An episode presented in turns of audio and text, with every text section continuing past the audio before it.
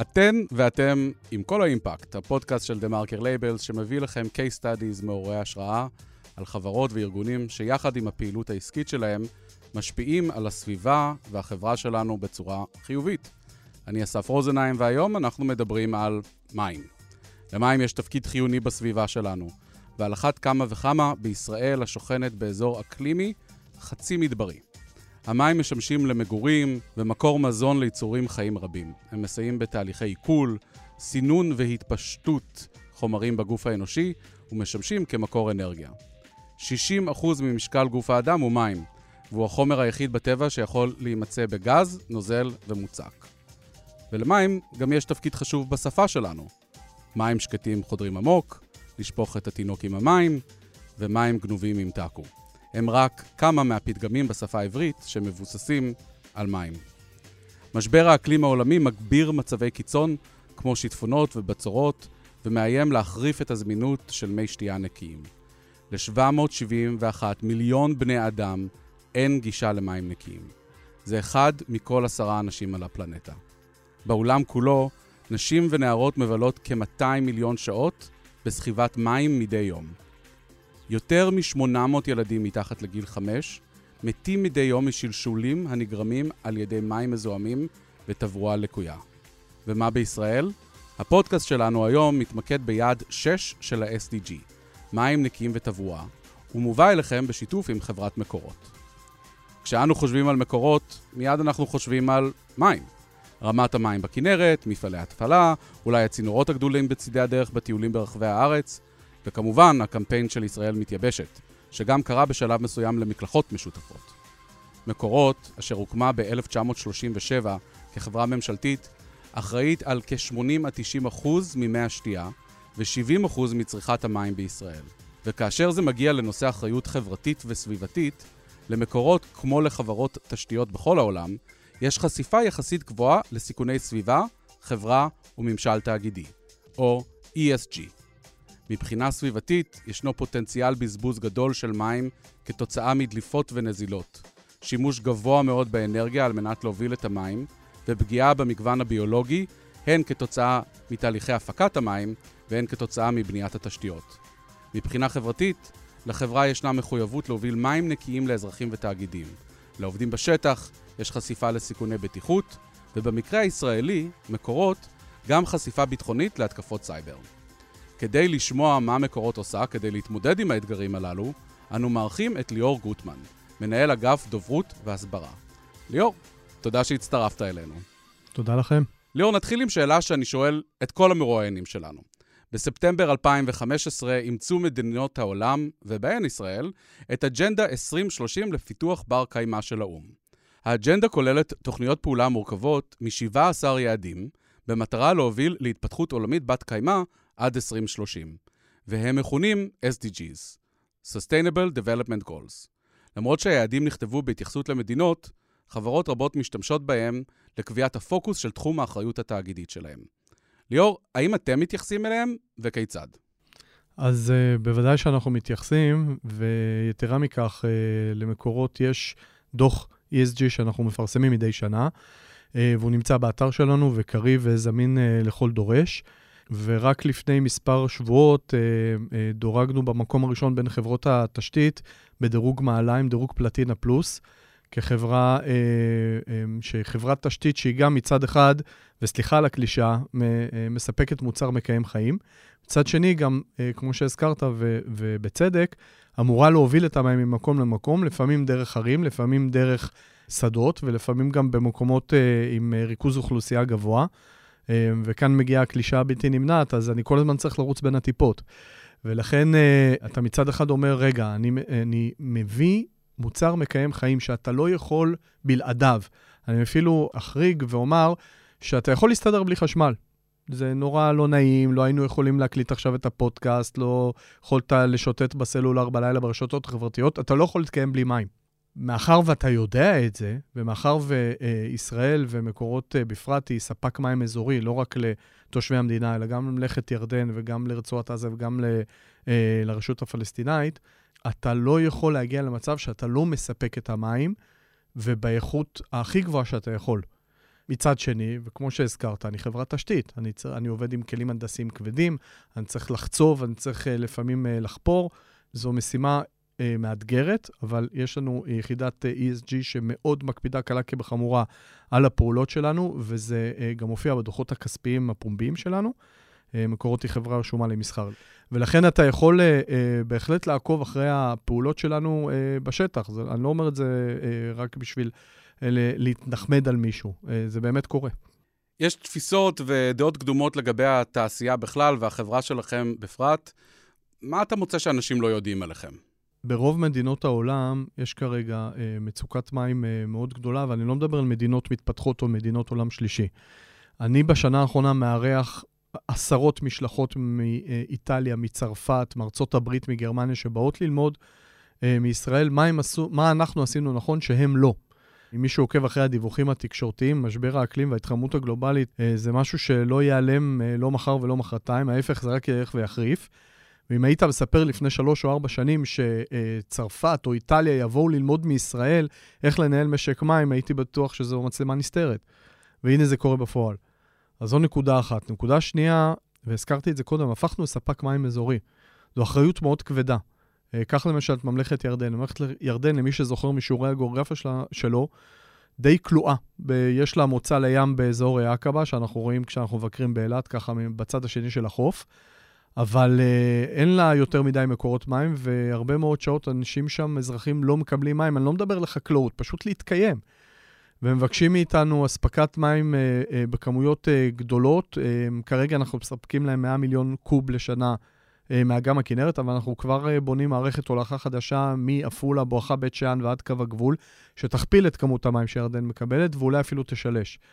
אז האחריות פה היא גם אחריות אזורית. Uh, בעבר uh, מדינות יצאו לכל מיני מאבקים על, uh, על מאגרי מים או על היכולת לקיים חיים. פה לשמחתנו יש לנו משק מים מאוד משוכלל. אולי ניגע בעתיד איך הצלחנו לפצח את השיטה. ואנחנו מסוגלים לספק מים לקרוב ל-14 מיליון איש, למרות שבישראל גרים כ-10 מיליון אנשים. אז uh, היכולת לספק בעשרות אחוזים יותר ממה שהאוכלוסייה שלך בפועל uh, דורשת, זו משימה שיש מעט מאוד מדינות בעולם שעומדות בה. רוצה לחזור רגע לישראל. רבים מאיתנו עדיין זוכרים את הפרסומת של ישראל מתייבשת. מסכנה רננה רז, קילפו לה את הפנים כל כך הרבה פעמים. לא ישכחו לה את זה בחיים. כיום ישראל היא לא מתייבשת, וכמו שציינת, אפילו אפשר לראות אותה ממש כמעצמת מים. מה התהליך שישראל עברה כדי לצאת מהמשבר שבו היינו, והאם התהליך הזה הוא רלוונטי גם לאתגרים שצפויים כתוצאה מהתחממות כדור הארץ שדיברנו עליו, והמדבור של האזור שלנו שנמצא במזרח התיכון? אז אה, בואו נתחיל אה, באמת מאותו קמפיין מפורסם של ישראל מתייבשת. זה היה בערך לפני 20 שנה, אה, והיינו במציאות שהיינו תלויים לגמרי בחסדי משאבי הטבע. כלומר, מדי בוקר היינו קמים ומודדים את מפלס המים בכנרת. לא שהוא לא חשוב היום, חלילה, שלא... שאף אחד לא יבין אחרת, אבל הוא חשוב מסיבות אחרות, אבל פעם זה היה מקור המים העיקרי שלנו. ואז uh, התחלנו להקים מתקני התפלה. ובעצם זה הנדבך הראשון שמשק המים עומד עליו. מתקני התפלה ניתקו אותנו מהתלות המוחלטת בטבע, או במשאבי הטבע. כיום יש חמישה מתקני התפלה ראשיים גדולים לחופי הים התיכון, בעוד מספר חודשים מצטרף שישי, ובעוד כשנתיים מצטרף שביעי, וכבר מדברים על שמיני. Uh, וזה אומר שלפחות מבחינת ההיצע, אנחנו במקום מאוד מאוד טוב. אה, אני אסביר את זה אחרת. אם הים התיכון היה מתייבש, היינו עכשיו מדברים על דברים אחרים לגמרי. אבל לשמחתנו אנחנו לא שם, ולכן אה, מבחינת אה, היצע, לפחות של מי שתייה, אנחנו פיצחנו את השיטה יחד עם מתקני התפלה, שזה בעצם החלק הראשון בפאזל. החלק השני זה מחזור מים. מחזור המים מאפשר לנו בעצם לנצל כמעט כל טיפה פעמיים. המים היום מגיעים מהים התיכון, אני אעשה את זה בצורה סכמטית, קצת קשה להסביר את זה בלי לצייר, אבל בואו בוא ננסה. אני מדמיין. אוקיי, אז אנחנו שואבים את המים מהים התיכון, מטפילים אותם, ותוך uh, מספר שעות בודדות זה אצלך בברז, בבית. אתה מתקלח, אתה שותה, אתה שוטף את הבית, אתה מבשל כל מה שעושים עם מים, ואז זה יורד בביוב. וברוב המקומות, ברוב המקרים זה מגיע למתקני טיהור שפכים. הגדול uh, בארץ נקרא שפדן, זה באזור ראשון לציון, אני מניח שחלק uh, מהמאזינים שלנו מכירים אותו. הוא בעצם לוקח את המים ועושה להם ניקוי אה, שניוני ושלישוני עד לרמה של כמעט שתייה. זאת אומרת, תאורטית אתה יכול לשתות את זה, יש אולי בעיה פסיכולוגית של, סליחה על הביטוי, לשתות את הפיפי של השכן, אבל uh, בסוף התהליך uh, המים כמעט ראויים לשתייה, ואז אנחנו לוקחים את המים שעברו מחזור ומזרימים אותם לנגב uh, או לכל uh, מקומות, uh, המקומות uh, שהחקלאות דורשת אותם. חקלאות בעצם צרכן המים העיקרי במדינת ישראל, כמחצית. מצריכת המים השנתית של מדינת ישראל הולכת לחקלאות, כמיליארד קוב בשנה, אולי טיפה יותר. ולכן ברגע שאני משתמש בכל טיפה פעמיים, אמ, אני גם לוקח פחות מהטבע ואני גם מייעל מאוד את המערכת שלי. אה, רק בשביל לסבר את האוזן, אחוז מחזור המים בישראל, אה, זאת אומרת, מי שתייה שהולכים לחקלאות, כבר מתקרב ל-85 ואולי 90 אחוז. אה, מקום שני בעולם זה ספרד עם 30 אחוז. בשאר מדינות העולם הם פשוט בפערים עצומים, ולמעשה זה אחד הדברים שבאים ללמוד מאיתנו. איך הצלחנו כתוצאה מצורך, כתוצאה ממצוקה של חיים באקלים מדברי או חצי מדברי, איך הצלחנו אה, לפצח את השיטה וגם לקחת מספיק מים בהתאם לצרכים, וגם למחזר את המים לצרכי חקלאות, שזה בעצם הנדבך השני. הנדבך השלישי הוא תחזוקה מאוד מאוד טובה אה, של אה, מערכת הולכת המים. למקורות יש מעל ל-13,000 קילומטר צנרת. אה, מדן ועד אילת, ופחת המים בצנרת בהולכה הבין-עירונית, כלומר, כמה הכנסת בצד אחד וכמה יצא בצד השני, בסך הכל 3 אחוזים. שבשאר העולם אני מבין שבמדינות מפותחות זה עומד על 15 אחוז. הממוצע באירופה הוא בסביבות ה-15 אחוזים. Uh, בבריטניה זה מעל 20 אחוז, uh, יש מדינות במרכז אירופה שזה 50 אחוז, וממזרח אירופה זה מעל 70 אחוז. 70 אחוז, אובדן, כלומר, אתה שם ליטר בצד אחד ויוצאת לך פחית בצד השני. אז אתה גם שואב יותר, אתה גם מבזבז הרבה יותר אנרגיה בשביל לשנע את אותה כמות מים שהצרכן הקצה צריך. אה, אנחנו לא שם, כאמור, אה, שלושה, פחות מ-4 אחוזים של פחת מים, וזה מאפשר לנו, א', לתחזק מערכת מאוד מאוד יעילה, ב', לעשות עירוב שימושים. אנחנו אחת המדינות הבודדות בעולם, אם לא המדינה היחידה בעולם, שבאותה מערכת, לא באותם צינורות, אבל באותה מערכת מזרימה מי קולחין שעברו טיהור, מי שתייה שמקורם בהתפלה, אה, מי אה, גשמים אה, שאספת, ועוד מקורות שונים, גם מהאקוויפר. ואתה יודע היום, במערכת שפרוסה ומאוד מהודקת להזרים מים מצפון לדרום, מדרום לצפון, והגענו למצב שבדצמבר האחרון פתחנו פרויקט לאומי ייחודי מסוגו, אני לא מכיר אחרים בעולם, אז אולי נהיה זהירים ונגיד אחד הבודדים בעולם, שאנחנו לוקחים עודפי מים מותפלים ומזרימים אותם בחזרה לכנרת. כלומר, יש לי כל כך הרבה מים, ומה זה עודפים? עודפים מצטברים לך בחודשים שהצריכת המים הטבעית יחסית נמוכה. נגיד אמצע החורף, סוף ינואר, פברואר. אה, מאחר ומתקני התפלה, אה, אה, על פי חוזה מול משרד האוצר, מול החשב הכללי, יכולים להתפיל X כמות והמדינה מחויבת לקנות אותם, אני לא בהכרח צריך את כל הכמות הזו. בעבר הייתי, למרבה הפליאה, שואב אותם, מתפיל אותם, וחלק לא משתמש וזורק בחזרה לטבע או לים. מין אה, חלמאות כזו אה, מוזרה, שאני לא מאשים אף אחד, אבל it is what it is. עכשיו פתחנו פרויקט אה, אה, מדהים, שאני בעצם לוקח את אותם עודפים שהמערכת לא צריכה באותה נקודה, אה, נקודת זמן נתונה, ואני יכול להזרים אותם בחזרה לכנרת. עכשיו, תראה מה עשינו בעניין הזה, ואני טיפה אגע ב-ESG. הכנרת, ממאגר עיקרי של אספקת מים, הפכה למאגר מים לאומי לשעת חירום. תיירות, חקלאות, וכמובן הזכרנו קודם אספקת מים לירדן. אני צריך לשמור על, ה, על המקור מים הזה, ב, לא בשבע עיניים, בשבע עשרה עיניים. אה, ולכן הניטור אחרי מפלס הכנרת הפך ממשהו קיומי, האם יש לי מספיק לשתות או לא, למשהו של אני צריך לשמר את המפלס, כי אני צריך את זה לשעת חירום. וגם לאס, לאספקת מים למדינות שכנות. ולכן אה, זה בעצם מה שאני עושה עם המוביל ההופכי. איפה נכנס ה-ESG? כחלק מהפרויקט הזה, אנחנו את המקטע האחרון לא אה, השלמנו בצורה של צנרת, כלומר הצינור לא מגיע לכנרת. אנחנו מגיעים עד אה, בערך 3-4 קילומטרים מהכנרת ומזרימים את המים לנחל צלמון, נחל שהתייבש בשנים האחרונות בגלל ההתחממות, בגלל משבר האקלים, ואנחנו ככה מחיים מחדש את הטבע. אז הנה גם התרומה שלנו, אה, הקטנה, הנקודתית, יש עוד אה, רבות אחרות, אבל התרומה הנקודתית בעניין הזה, ל, אה, לכל הנושא הזה של נקרא מים, טבע והיכולת אה, לחיות, וגם ליהנות מאורח חיים פה אה, בריא ונאות. מדהים. אז ממש אה, הרבה פעמים שאנחנו מדברים בתוכניות שלנו, בסדרת הפודקאסטים, אז קשה לדמיין את האימפקט, אבל פה ממש אפשר לראות את האימפקט בנחל הזה שזורם מחדש. נכון. והנה, אני, אני אתן איזה שאלת ריבה למאזינים. אולי חלקם אה, מכירים, אולי על עצמם, יכול להיות שעל אה, חברים, את המקרה הלא כזה נדיר במדינת ישראל, שהקמתם יום אחד והרמתם את השלטר ולא היה חשמל. בלי להאשים אף אחד, מכל מיני סיבות, אה, לפעמים גורמי טבע ולפעמים איזו תקלה. אני מאתגר את המאזינים שלנו לחשוב מתי פעם אחרונה הם פתחו את הברז, ולא, הם או חבריהם או מכריהם, ולא יצא משם כלום.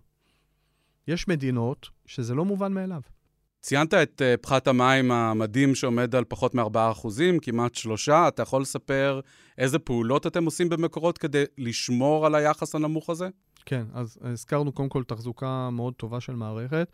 עדיין עמוד השדרה של אה, רשת המים הארצית זה אותו מוביל ארצי, ששנה הבאה אנחנו uh, חוגגים לו 60 שנה.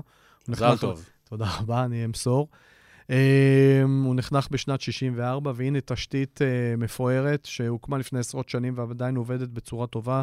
אה, כי היא מתוחזקת בצורה טובה. אבל מעבר לזה, בשנים האחרונות בעצם לקחנו את ה start-up nation הישראלי והכנסנו אותו לתוך מקורות. כלומר, יש לנו יחידת uh, חדשנות שמאתרת uh, חברות סטארט-אפ ישראליות שאו יש להן מוצר או שירות שמתאים למשק המים, או כזה שאפשר לעשות לו התאמה, אדפטציה למשק המים, ואז אנחנו מטמיעים את הפתרון הזה גם אצלנו בבית, וגם משווקים אותו כשאנחנו um, עובדים בחו"ל, ואני מקווה שעוד נספיק לדבר על הפעילויות שלנו בחו"ל, וגם בעקבות הסכמי אברהם שפתחו לנו מניפה מאוד יפה. אבל אני לא רוצה להקדים את המאוחר. רק אה, אציין, יש כיום כבר שמונה חברות סטארט-אפ שאנחנו אה, אה, עובדים איתן. עובדים, אה, הכוונה היא שלא בדקנו את המוצר והוא בסדר. אה, ברגע שראינו שהוא מתאים לחברת מקורות, אה, השקענו בחברה וקיבלנו אישור רגולטורי מהמדינה להשקיע בחברה, ממש לקנות בעלות ברמה של עד 20 אחוז. יש כאלה כבר שמונה אה, חברות, חלק אה, עוסקות בתחום אבטחת סייבר. מה לעשות, זה אה, כורח המציאות בסביבה הגיאוגרפית המאתגרת שלנו. חלק עוסקות בתחזוקת מבנים, עם יכולת להשתמש בבינה מלאכותית, אה, לבדוק אה, אה, חסינות ותקינות של מבנים או תשתיות להולכת מים. חלק בניתוב וצריכה יותר טובה של אנרגיה.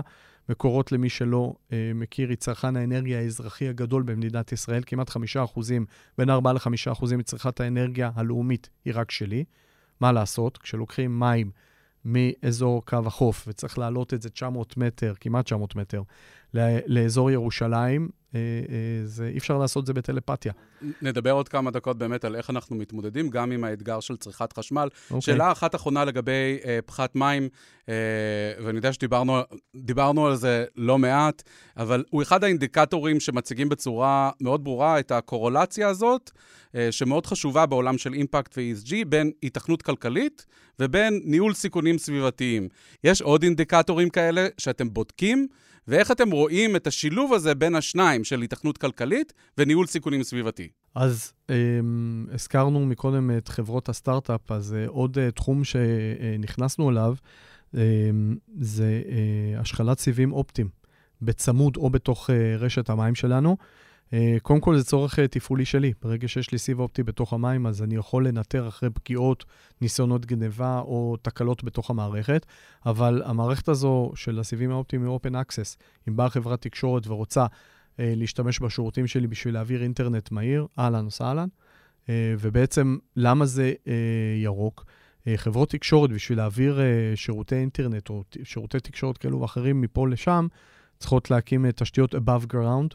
אה, תחנות ממסר לפעמים, או, או אנטנות, או, או מקומות שבאמת אה, יכולות לספק גם קליטה וגם יכולת uh, קבלת נתונים. ברגע שהם עושים את זה דרך המערכת הקיימת שלי, שהיא בכל מקרה ברובה מוטמנת מתחת לאדמה, אז אני חוסך את המעבר מעל פני האדמה, לפעמים דרך uh, מקומות uh, שהכף רגל האדם לא דרכה שם. והנה אני uh, עוזר גם בעניין הזה. פן נוסף שאנחנו עכשיו מקדמים uh, uh, בצורה uh, מאוד מהירה, זה קירוי מאגרי המים שלנו עם פאנלים סולאריים. יש לנו הרבה מאוד מאגרי מים. Uh, כבר יצאנו בפיילוט ראשון עם, uh, uh, עם uh, חברה מסוימת שזכתה במכרז, והיא מתחילה לעבוד, ואנחנו מאוד uh, נרצה לאורך השנים הקרובות לקרות את מאגרי המים שלנו עם פאנלים סולאריים, uh, אפילו את המוביל הארצי, כולל התעלה שהוא יושב בה. אה, יש לנו פוטנציאל מאוד גדול של ייצור של כמעט של אה, אלף מגה או ג'יגה אחד של חשמל, זה המון. זה מאנרגיה סולארית, נכון? בדיוק, מאנרגיה סולארית, ובחלק מהמקרים, אם לא ברובם, כמובן שנרצה לשלב גם אגירה, אה, ככה שהמתקנים האלה יוכלו לעבוד גם בימים שאין שמש, או לחילופין בשעות הלילה. אה, וכל מתקן כזה שאתה מקים, אתה בעצם מצמצם ו/או מייתר את תחנת הכוח הקונבנציונלית הבאה. אתם חושבים שהפרויקטים האלה שאפתנים מספיק בהתחשב בצריכה שלכם של חשמל בישראל? אנחנו עושים הרבה מאוד מאמצים בשביל לצמצם את צריכת האנרגיה. אה, אחת מחברות הסטארט-אפ עושה לי ניתוח של big data. בעצם אה, אתה מפעיל הרבה מאוד משאבות, ואתה מפעיל הרבה מאוד אמצעים בשביל להעביר מים ממקום למקום. אתה חייב לטייב את צריכת האנרגיה שלך. קודם כל, זה צורך תפעולי שלך, אתה משלם פחות כסף. אה, ואתה גם קונה חשמל מספקי חשמל פרטיים, ואתה מנסה אה, להוריד את טביעת הפחמן שלך ככל שניתן. עוד משהו שמתכנס עם יעדי האו"ם. מצד שני, ואני הזכרתי את זה קודם, אתה לא יכול להיות סגפן אם אתה צריך להביא מים לצרכן הצופי, ואתה יודע שהוא תלוי במוצר הזה בשביל לחיות. אז לפעמים אין לך ברירה, אז אתה, אה, אתה צריך להעביר צנרת, ואולי בערים וגבעות, בשביל להביא לו את המים. אז כן, זה תמיד משחק של בין אה, אה, אפשרויות, אבל בהחלט אנחנו אה, עושים את כל המאמצים לצמצם את תביעת הפחמן שלנו. חוץ מאנרגיה סולארית, אתם אה, מקדמים גם פרויקטים של טורבינות, נכון? וגם אה, אנרגיה הדרופילית. אתה יכול קצת לספר על הפרויקטים האלה? כן, אז אה, חלק מהצנרת שלנו היא עבת קוטר. עבת קוטר זה כמעט שלושה מטרים. אתה תעמוד בתוכה, תפרוס את הידיים לצדדים, לא תיגע בדפנות. ולכן במקומות האלה, שבאמת יש אפשרות, יש זרימת מים אה, קבועה, ויש אפשרות להציב אה, טורבינה קטנה, אז אנחנו גם מייצרים אנרגיה בחשמל בעצם. אה, בארץ פחות מכירים את זה, אין לנו את האמזונס, אנחנו לא יכולים להקים תחנות כוח שמספקות מאות מגה-ואטים, אבל לפעמים יש לנו את האפשרות לייצר קצת חשמל גם באמצעות כוח המים, ובהחלט איפה שניתן אנחנו נעשה את זה. סיפרת בהתחלה איך הצורך שלנו, שנובע גם מהאקלים הביטחוני שלנו והגבולות שלנו, וגם מהאקלים המדברי שאנחנו נמצאים בו, יצר בסופו של דבר איזושהי חדשנות שהקפיצה אותנו למקום אחר, ואומרים באנגלית, necessity is the mother of all innovation. ובאמת, יש לכם את יחידת החדשנות, אתם מפרסמים צרכים ובעיות, ובעקבות כך יזמים מציגים את הפתרונות ויוצרים שיתופי פעולה. בארץ, בכל העולם, אבל בעיקר בישראל, מאוד קשה לממן את הפרויקטים האלה, בעיקר בשלבים הראשונים, והעובדה שאתם כחברה ממשלתית חזקה יכולים להיכנס לנעליים האלה, היא באמת אחד הדברים שמקדמים את תחום האימפקט בישראל. יש איזשהו פרויקט או שיתוף פעולה שאתה מאוד גאה בו ואתה רוצה לספר עליו? כן, אמ, ודווקא מהדבר הכי איזוטרי, וזה גם מתקשר לך ליעדי סביבה וליכולת לשמור על הסביבה. אנחנו כחלק מהרגולציה שמוטלת על חברת מקורות, אה, חייבים אה, אה, להוסיף טיפה כלור למים. אני לא מדבר על רמת הכלור שאתה שותה חלילה בבריכות שאתה הולך עם הילדים, זה באמת רמה קיצונית שלפעמים שותה כלור ממים, ככה זה נדמה. אבל אני חייב לשים מעט מאוד כלור במים כחלק מתהליך החיטוי. כלור זה מוצר מסוכן, אתה צריך לקנות אותו, לשנע אותו באמצעים יהודיים, לפעמים במכליות, לפעמים אתה עושה את זה בלילה.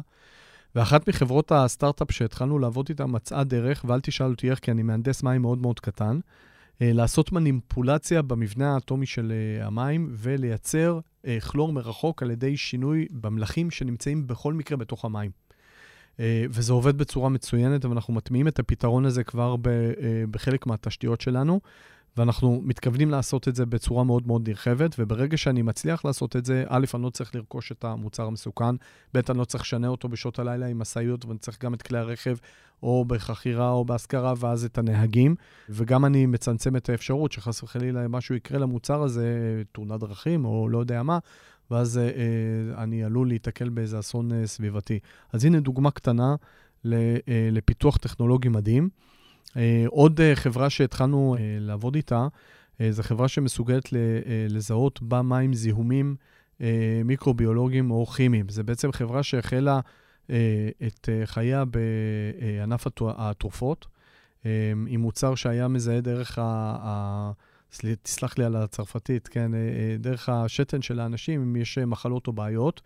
ועשינו איזו אדפטציה למשק המים, ועכשיו אנחנו יכולים לגלות מרחוק זיהומים או uh, בעיות במים, ואנחנו נוכל לשים את זה במאגרי המים שלנו, מה שייתר לי בחלק מהמקרים את הצורך לשלוח בן אדם, שייקח מבחנה, שייקח את זה למעבדה ויבדוק. הנה עוד uh, צמצמתי תנועה בכביש, צמצמתי כלי רכב, צמצמתי את האפשרות לייצר uh, uh, משהו שאולי מגדיל את תביעת הפחמן שלי. אז הנה עוד פתרון uh, קטן שמצטרף להרבה פתרונות אחרים, ואתה מסתכל על הסך הכל, בהחלט uh, כל פתרון שנמצא וכל דבר קטן שאנחנו נצליח uh, להביא לתוך החברה, אנחנו נעשה את זה בלי לחשוב פעמיים. כדור הארץ מכוסה רובו במים, אנחנו נקראים הכדור הכחול, אה, אז באמת משהו גלובלי. מצד שני, מים נשמע הרבה פעמים מאוד מקומי, נכון? אה, חוץ מכמה אה, מותגים שאנחנו מביאים מאירופה לישראל, מים זה משהו שנשאר במקום. אתם, מצד שני, הופכים להיות ממש מעצמה גלובלית. איזה דברים אתם עושים שפורצים את הגבולות של ישראל? אוקיי. Okay. אז בעקבות uh, החתימה על הסכמי אברהם, uh, נפתחה לנו uh, מניפה מאוד יפה של פעילות בינלאומית. אני אציין בכוונה את המדינות באזור שלנו. אז ירדן הזכרנו קודם, אנחנו מספקים מים לירדן, וגם עובדים איתה בצורה הדוקה על פיתוח תשתיות, אבל בנובמבר האחרון נכנסנו למרוקו. אנחנו עוזרים להם ב, uh, בתוכניות לבניית uh, תוכנית אב. אנחנו פועלים בבחריין מאז מרץ 21, ממש צמוד לחתימה על הסכמי אברהם, עם בניית של תוכניות אב, ובאזרבייג'אן, שאנחנו גם בונים להם תוכניות אב ו, ונותנים הרבה ידע גם לענף החקלאות וגם למשק הביתי. אז הנה ארבע מדינות מוסלמיות, uh, שהמים הפכו סוג של גשר לשלום. Um, ואנחנו לא בונים שום דבר בחו"ל, אנחנו לא מתיימרים לבנות שום דבר בחו"ל, ואני גם לא רוצה. אה, אין לי שם יתרון יחסי מול הקבלנים המקומיים, ואני לא אביא מסמרים מארץ ישראל בשביל לתקוע אותם במדינה זרה. מה, איפה כן יש לי יתרון? יש לי יתרון בניהול משק מים מעולה, יש לי יתרון בידע, יש לי אה, יתרון ב start-up nation ובחברות ההייטק שאנחנו מביאים איתנו. אז אנחנו פועלים במדינות האלה, אבל מעבר לאלה, רק בשנה אה, וחצי האחרונות, אז קפריסין, הודו, צ'ילה, ארגנטינה, בשבעה מחוזות שונים. אה, אורוגוואי, אה, הרפובליקה הדומיניקנית, ממש מהחודש האחרון, ואנחנו נמצאים במשאים ומתנים עם הרבה מאוד מדינות. אה, אולי היוצאות דופן ביניהם זה צרפת, עם כניסה לאזור פרובונס שם, עם עזרה בידע ותוכניות אב וייעוץ, וגם באיטליה. שוב, מדינות מתקדמות, חלק מה-G8, שלפני כמה שנים היית אומר לי שהן צריכות מאיתנו עזרה זה, זה היה נשמע מופרך בעליל. אני עדיין מקבל הרבה מאוד מש, משלחות uh, ממערב אירופה ומארצות הברית. מי שעוקב אחרי עלילות נהר קולורדו שם וההשפעה שלו על מ, אה, מיליוני אנשים uh, יכול להבין את המצוקה הגדולה, והיכולת לספק מים לא רק באיכות הראויה, אלא גם במחיר ראוי. זה בעצם המאבק או היכולת שלנו להתמודד עם ההתחממות הגלובלית ועם משבר האקלים, מעבר לפעולות הרגילות שאנחנו צריכים לעשות בצמצום אה, צריכת האנרגיה שלנו ובצמצום הצריכה של אה, אה, פלסטיק וחומרים אחרים, או בדלקים פוסיליים. העולם ידרוש יותר ויותר מים. זה גם, גם במדינות היותר מתקדמות, זה מונע התפתחות טבעית של איור או של שכונות חדשות. אפשר לראות את זה בישראל. כל שכונה חדשה שצצה פה, היא בהכרח תצטרך מים שתיכנס לתושבים ושתצא אחרי שהם ישתמשו בהם. משבר האקלים לא פוסח על שום מדינה. לא. אז אם מים בעבר היו אה, איזשהו אה, תחום טבעי לגבול אה, ויצאו על מים למלחמות, היום אה, בהנהגה של מקורות ובחדשנות, מים הפכו להיות גשר לשלום ולשיתוף פעולה גם אזורי וגם בינלאומי, וחלק מהחוסן של מדינת ישראל לאורך זמן. נכון. אנחנו מקליטים את הפודקאסט הזה בבניין של הארץ דה מרקר, ואני מבין שאתה התחלת את הקריירה שלך פה. כן. אחת השאלות שאנחנו מקבלים הרבה פעמים בעקבות סדרת הפודקאסטים שלנו, זה איך מגיעים לתפקידים בתחום של ESG וקיימות. יכול לספר לנו קצת על התהליך שלך? טוב, אני הגעתי מתחום העיתונות, באמת הקריירה העיתונאית שלי התחלתי פה לפני קרוב ל-20 שנה, אה, בעולמות אחרים של רכב ותחבורה. ואחרי זה עברתי לעיתון כלכלי אחר, לכלכליסט. הייתי חלק מהדור המייסד של הכתבים, והייתי שם עד 2021.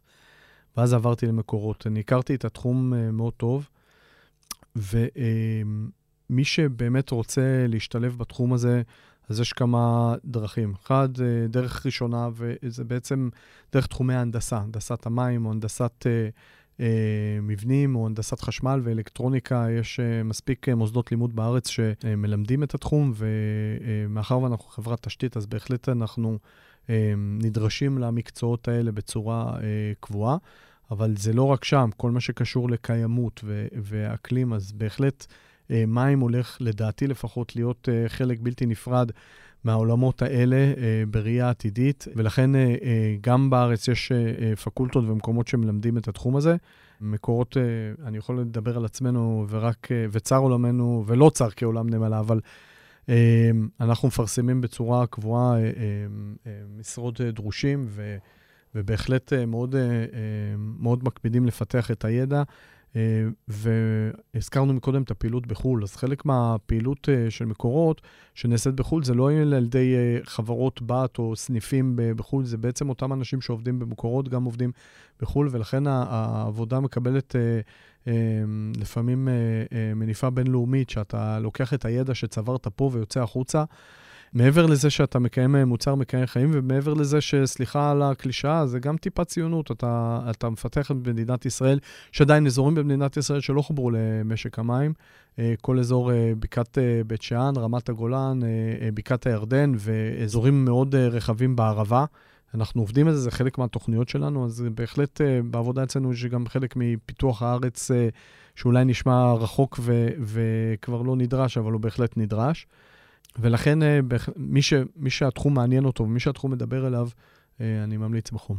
לפני סיום, יש אה, שאלה שלא שאלתי אותך והיית רוצה שאני אשאל? איפה נהיה עוד 20 שנה?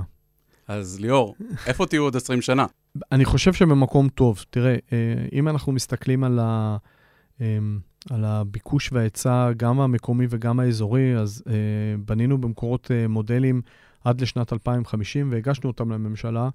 אה, איך אנחנו רואים את הדברים, מה צריך, מה נדרש, אה, מה צריך אה, לשפר ומה צריך לשמר. ואנחנו כרגע כבר עובדים או מתחילים לדבר על מודלים בראייה ארוכת טווח ל-2070. לפעמים כשאתה במדינת ישראל ומה שהיה רלוונטי היום, כבר אתמול זה old news, זה נראה לפעמים מופרך שאתה מסתכל כל כך הרבה שנים קדימה. אני מאחל לשאר תחומי התשתיות להסתכל כל כך הרבה שנים קדימה.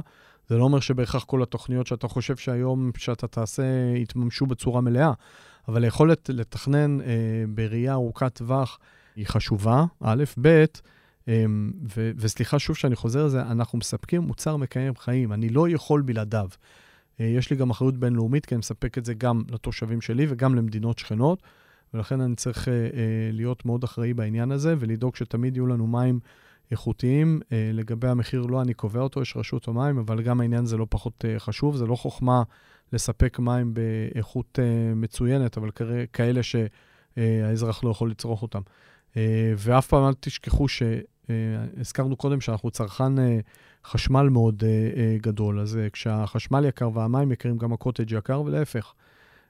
אז בהחלט זה משהו שכדאי לתת עליו את תשומת הלב בראייה ארוכת טווח וגם בראייה מלמעלה.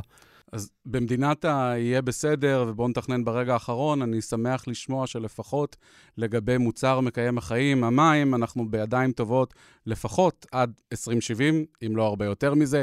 ליאור, תודה שהצטרפת אלינו כדי לחלוק איתנו את אסטרטגיית ה-ESG והחדשנות של מקורות. אני ממליץ לכולם וכולן לקרוא את דוח האחריות התאגידית של מקורות, שנמצא באתר האינטרנט של החברה, עם כוס מים, או סודה כמובן.